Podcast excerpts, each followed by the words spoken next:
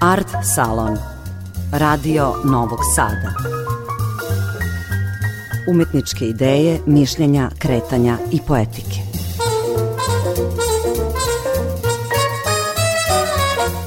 Dobro večer. Ja sam Tatjana Novčić-Matijević, počinje Art Salon, emisija Radio Novog Sada za kulturu. Večerašnji sagovornik je rusinski i srpski pisac Nikola Šanta.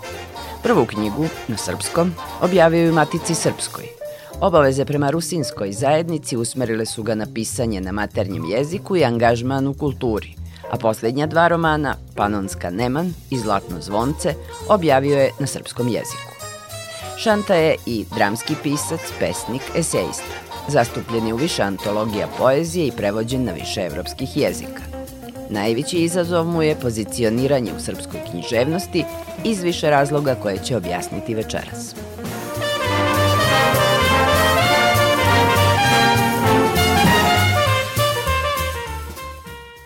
Ali ćemo naravno krenuti od Zlatnog zvonca. Kao mestu dešavanja, pričanja priče, kao prostoru koji spaja prijatelje, koji proveravaju šta od životnih istina nose u sebi i da li to jesu prave istine, do simboličkog zlatnog zvonca koje treba da signalizira čitaocima. Mnogo toga. I sada ja ne bih sve otkrivala. Hvala vam za ovaj roman. I moram da vas pitam, je li on pisan izvorno na srpskom jeziku ili na rusinskom? Roman je pisan na srpskom jeziku. Čak i moja prva knjiga je objavljena u Matici Srpskoj na srpskom jeziku, tako da sam ja u svet književnosti ušao preko srpskog jezika, ali onda me je život odneo na te rusinske prostore i napisao sam ne znam osam ili koliko tamo knjige na rusinskom jeziku jer sam bio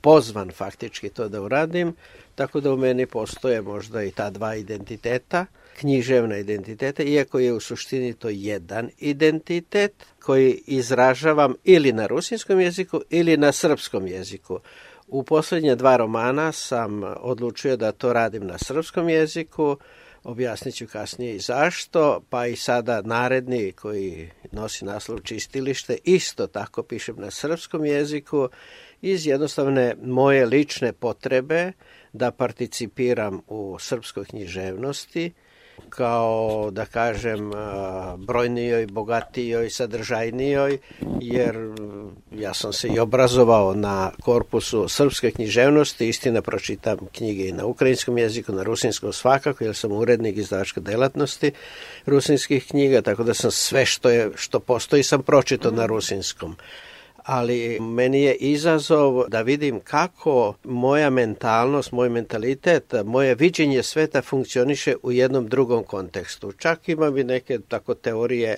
da rusinska književnost treba da se sagledava u čak tri konteksta, u kontekstu autentične rusinske književnosti, u kontekstu ukrajinske književnosti i u kontekstu srpske književnosti. U kontekstu srpske književnosti jer živimo na, na ovom prostoru skoro 300 godina i logično je da delimo i vrednosti i iskustva sa ovog prostora, tako da je to logično da je ukrajinska književnost e, također važan kontekst, sada kad sam pre dve godine bio na promociji moje knjige koja je tamo objavljena, bilo je komentara nekih znalaca iz književnosti da bi bilo da, dobro da se stvori institut koji će proučavati književnosti u dijaspori koje ne pišu standardnim ukrajinskim jezikom nego na tim takozvanim dijalektima. Ja ne kažem da je rusinski jezik dijalekat. Ali i u Ukrajini imaju takav odnos. Apsolutno, oni imaju takav odnos eh, prema našem jeziku, mi smo ga standardizovali, mhm, mhm. ali u tom širom istočno-slovenskom kontekstu on jeste deo tog ukrajinskog korpusa. Mhm. I sa tog stanovišta treba e, rusinsku književnost sagledavati u ukrajinskom kontekstu. I normalno podrazumeva se da, da je taj autentičan rusinski korpus e, također imanentan za sagledavanje. Ali on je, da kažem, Vidite, to, to ima desetak knjiga godišnje i onda knjige su različitih vrednosti i onda se ne razvije ni kritička svest prema književnosti i jednostavno to je mala zajednica koja nema kapacitet da, da sve to percipira u sebe. Krhko biće jezika, jel da? Krhko biće, tako da. je. Tako da evo, ali vratit ću se na roman koji ste spomenuli, Zlatno zvonce. Roman se događa u Rumenci, u Čardi Zlatno zvonce. Tamo sam ga smestio jer se tamo, tamo su se događale te diskusije, razgovori i onda sam normalno domislio jednu priču koja je to nekome se dopada, nekome možda i ne. Suština romana jeste priča o prijateljstvu. Ali to je propitivanje. Čini mi se da je suština romana propitivanje svake egzistencije na osobu bez obzira kojim delovima društva pripada, jer su njih trojica iz tri različite oblasti, iz tri različite delatnosti i svaki razlistava svoju priču. Da. Pritom je e, ma kako sad ovo zvučalo kao stvarnostna proza, realistička, vrlo vešto poetički u duhu postmodernizma. Ima citata, povezivanja nekih e, fragmenata koji uslovno drže priču, ne drže linearno, ali je drže u onom jednom idejnom, idejnom. I ono što je meni bilo prijatno iznenađenje, to je stvarno dubinska analiza do odnosa prema hrišćanstvu, odnosa prema Bogu, odnosa prema ljubavi, odnosa prema ženi. Dakle, sve je stalo, usuđujem se da kažem, nevelik po broju stranica romana. Negde kao da ste lagano sumirali sva iskustva životna u ovom romanu.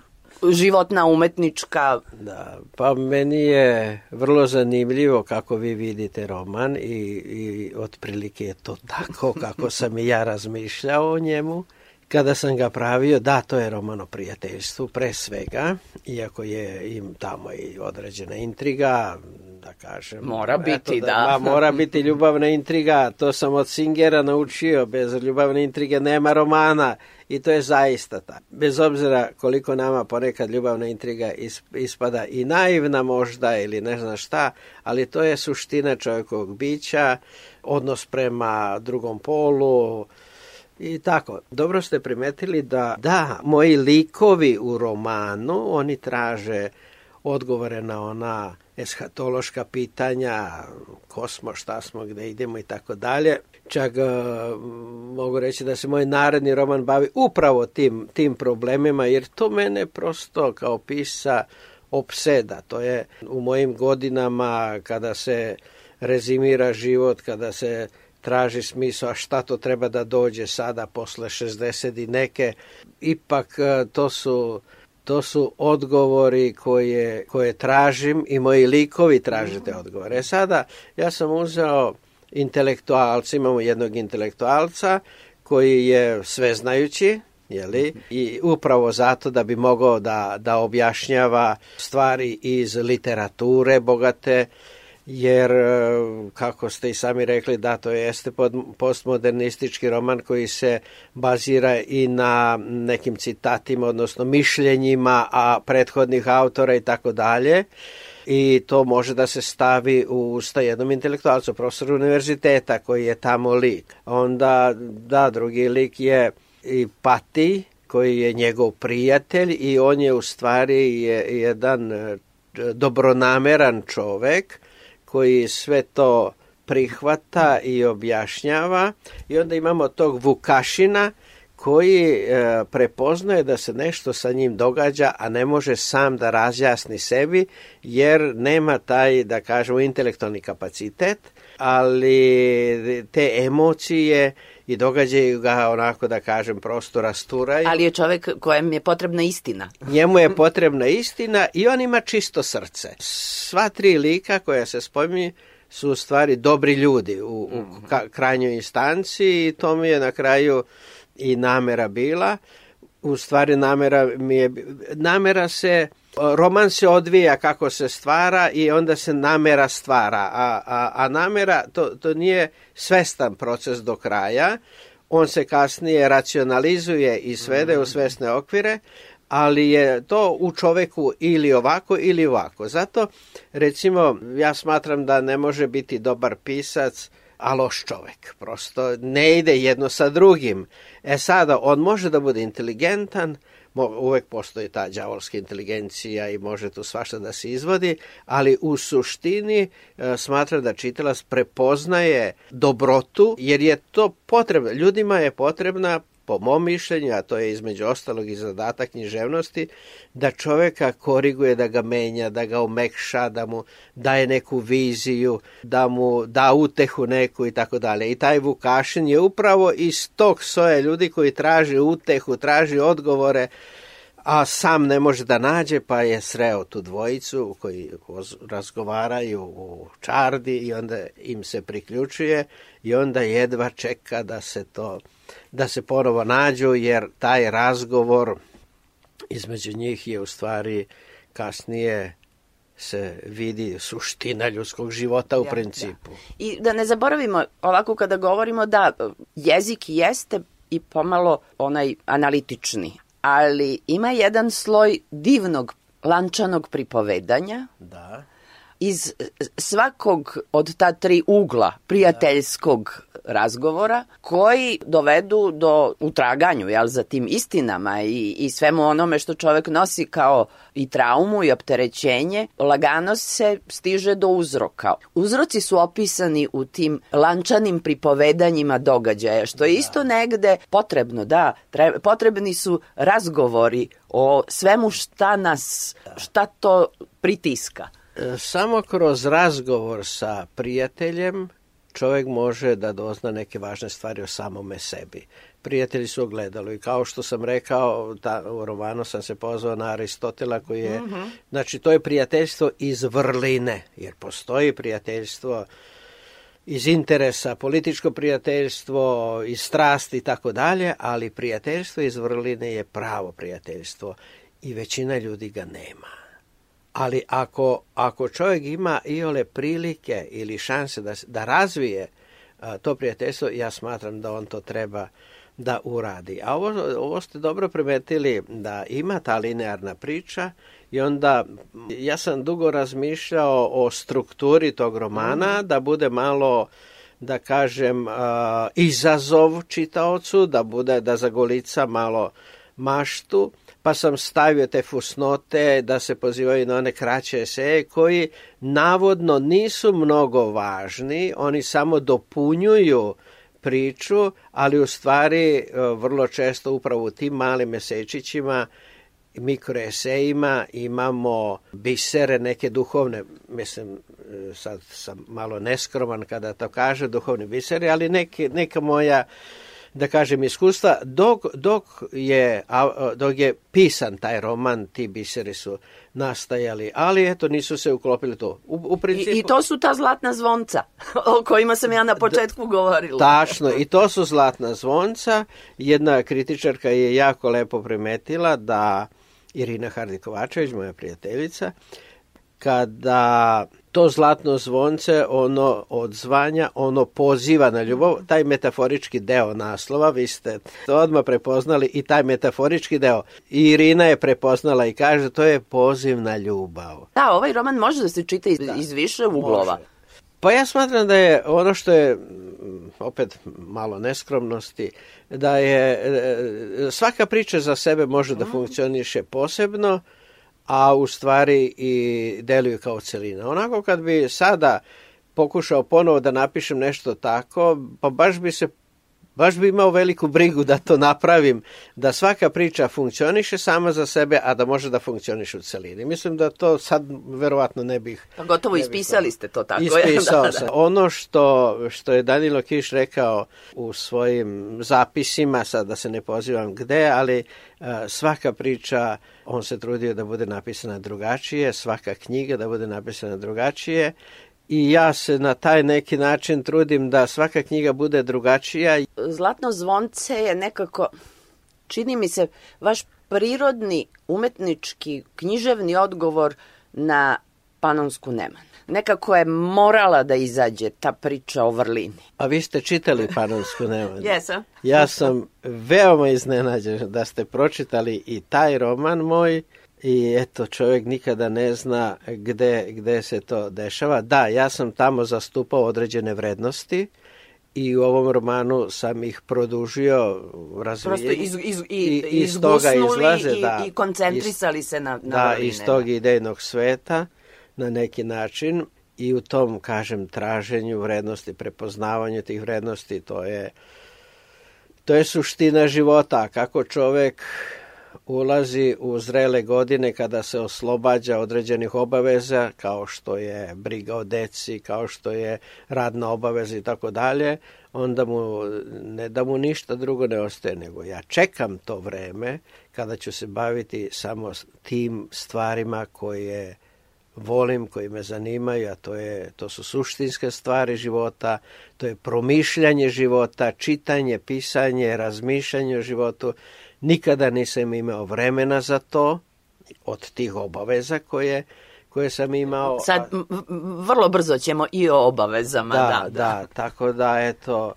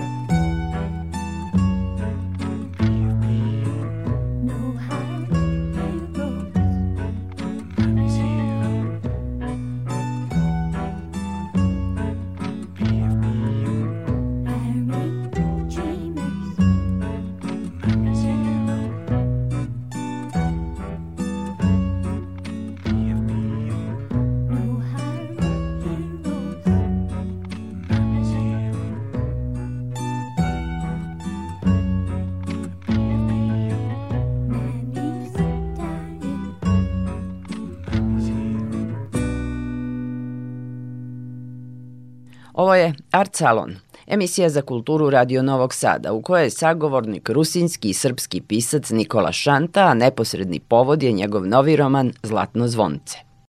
Ovo je prvi roman koji je u saizdavaštvu. Da. Ruske slovo i, I, arhipelag. da. Pa evo da kažem da, da sam bio prijatno iznenađen, normalno kao i svaki pisac slavos. tražim, svaki pisac traži svog izdavača sa kojim će imati korektan stav, korektan odnos, e, sa kojim će moći da sarađuje i da računa na njega kada napravi novu knjigu.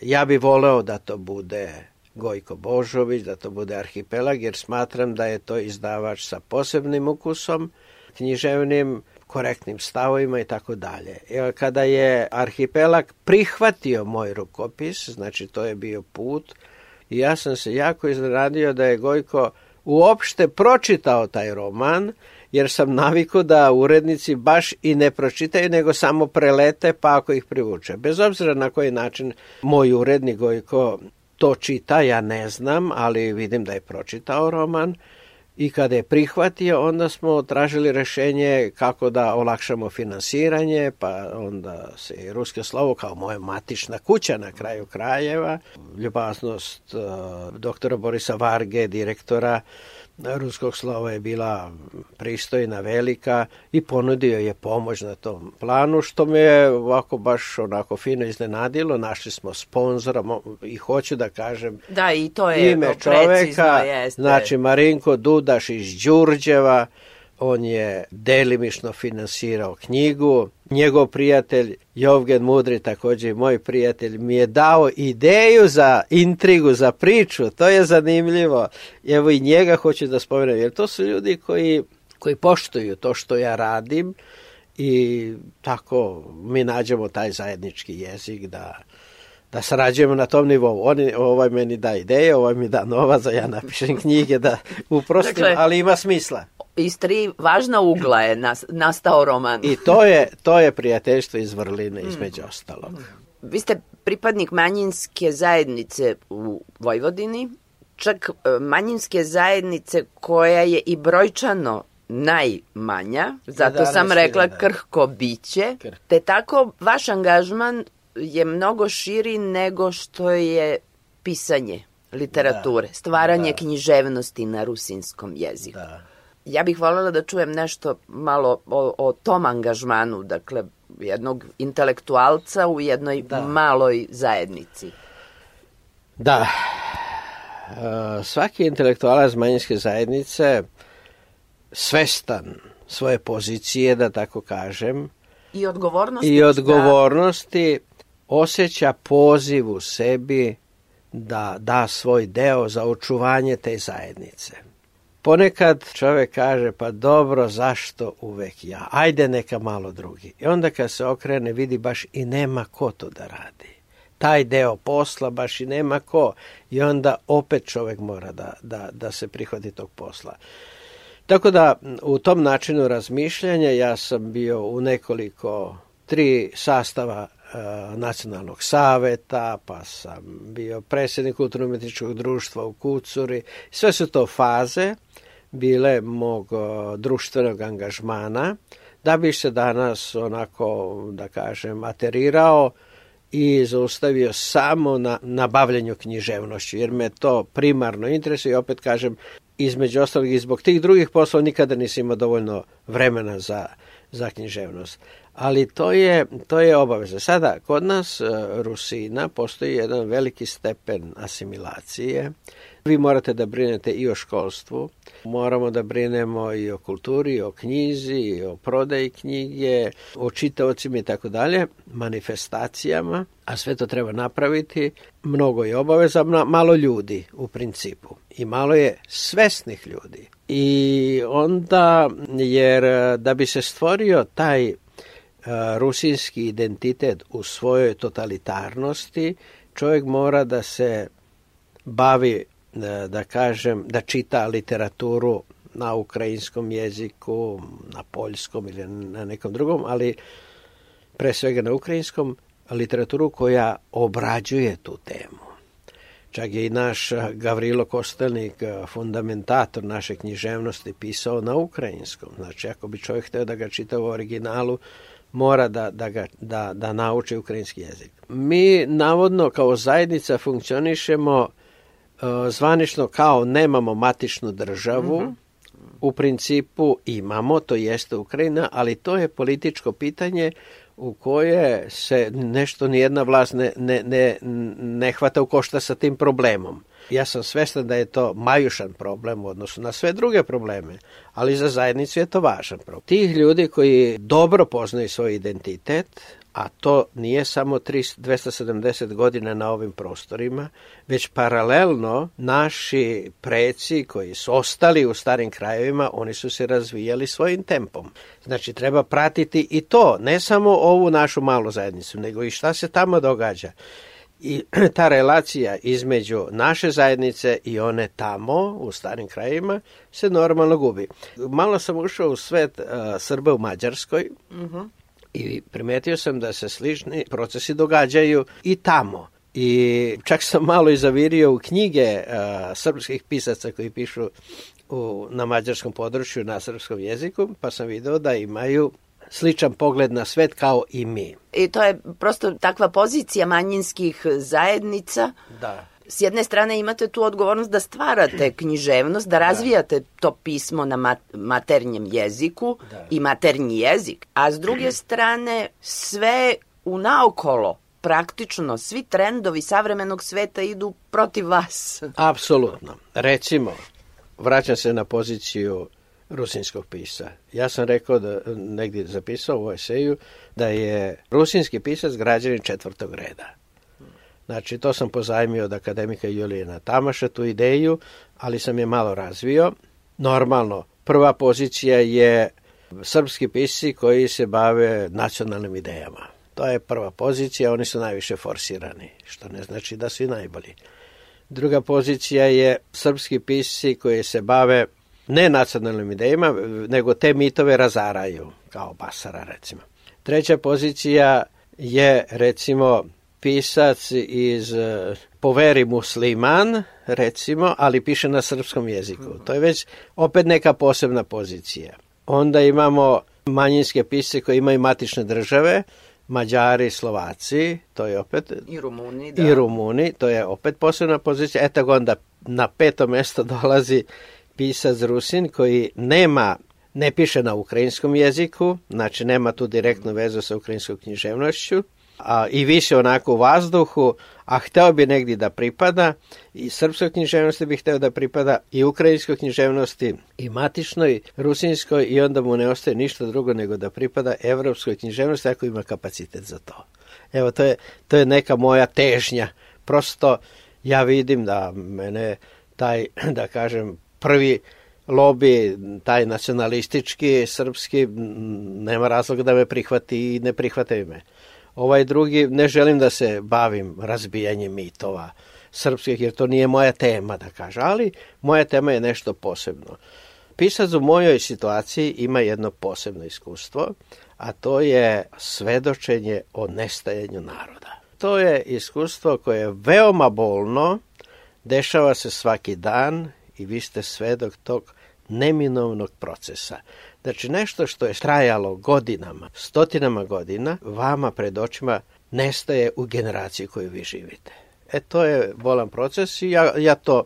I, I praktično ste i u obavezi da, da pišete, da, da, svedočite o tome. Da, Kao što je, opet kažem, Singer opisao nestajanje jidiš književnosti na terenu Europe, to je u u Americi, tako na neki način i ja imam tu obavezu da opišem nestajanje jednog sveta. I da tako kažem, da rezimiram na neki način tu moju poziciju, što pišem te romane na srpskom jeziku, da sam, da kažem, tražim pravi izraz, bacio rukavicu u lice srpskoj književnosti ili da sam izazvao srpsku književnost, da vidim da li ona ima kapacitet da u sebe primi jedan drugi mentalitet, jer mislim da se primeti da je to drugačiji mentalitet, kao što je francuska književnost mogla da primi u sebe Kunderu ili kao što je američka književnost primila i Josifa Brodskog i singera i mnoge druge pise e, koji su po poreklu iz drugih naroda. I smatram da je to potrebno srpskoj književnosti, jer ako, kao, već kada ste spomenuli Panonsku Neman, jedna kritičarka Ukrajine je dobro primetila, ako želite da vidite da sebe upoznate, onda pitajte komši o sebi. Pitajmo se između sebe, a šta ti misliš o meni, kao što i mi, manjinci, pitamo Srbe, a šta vi mislite o nama.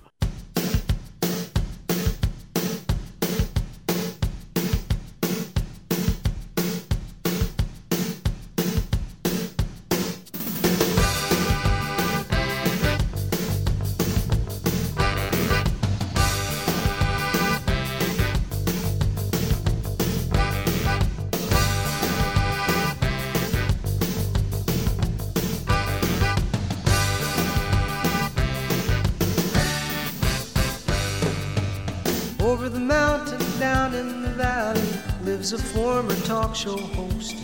Everybody knows his name. He said, There's no doubt about it. It was a myth, of fingerprints. I've seen them all, and man, they're all the same. Well, the sun gets weary and the sun goes down. Ever since the watermelon, and the lights come up on the black pit town. Somebody says, what's a better thing to do? Well, it's not just me and it's not just you. This is all around the world. Out in the Indian Ocean somewhere, there's a former army post. Abandoned now just like the war.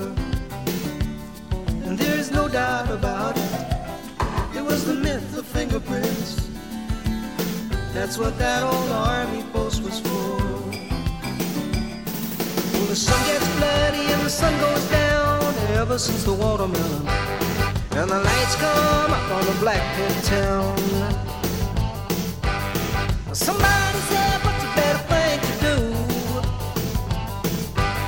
Well, it's not just me and it's not just you. This is all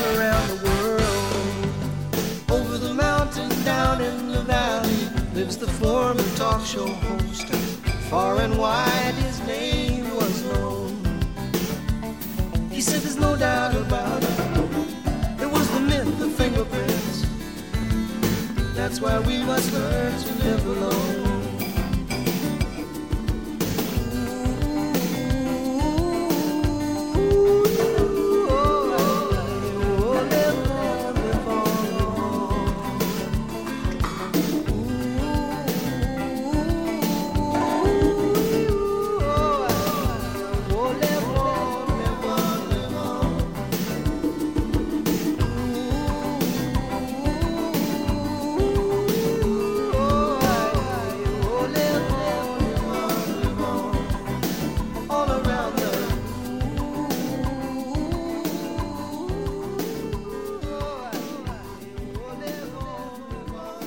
Bio je to art salon u kojem je Nikola Šanta, bilingvalni pisac, govorio o svojoj književnosti i poziciji intelektualca u manjinskoj zajednici u Vojvodini, kao i o tome zašto mu je važno pozicioniranje u srpskoj književnosti.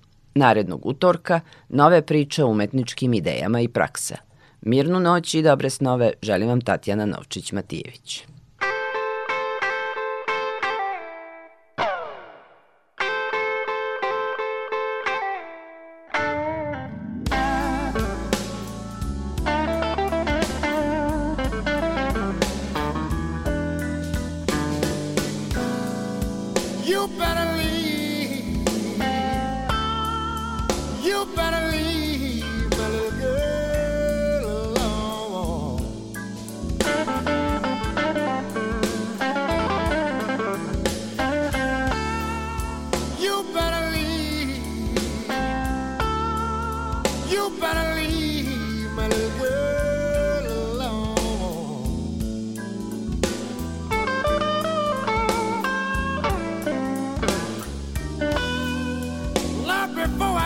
woman. And I go and do something wrong.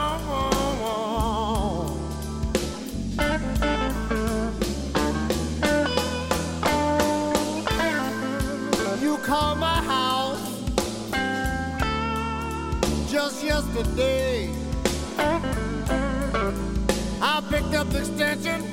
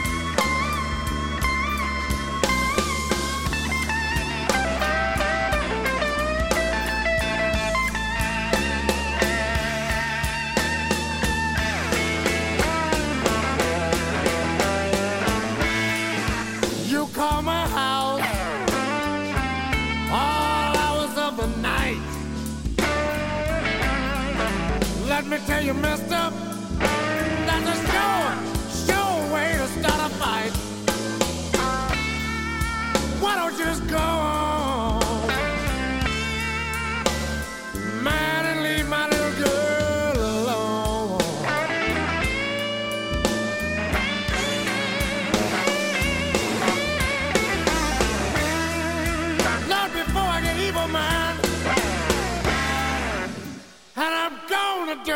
something wrong.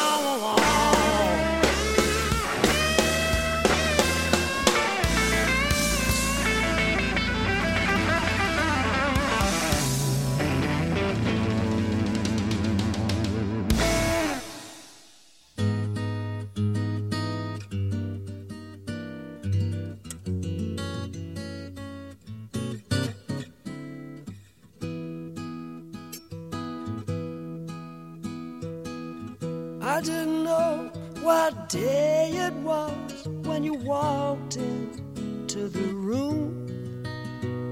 I said hello unnoticed. You said goodbye too soon. Breezing through the clientele, spinning yarns that were so lyrical. I really must confess right here the attraction was purely physical.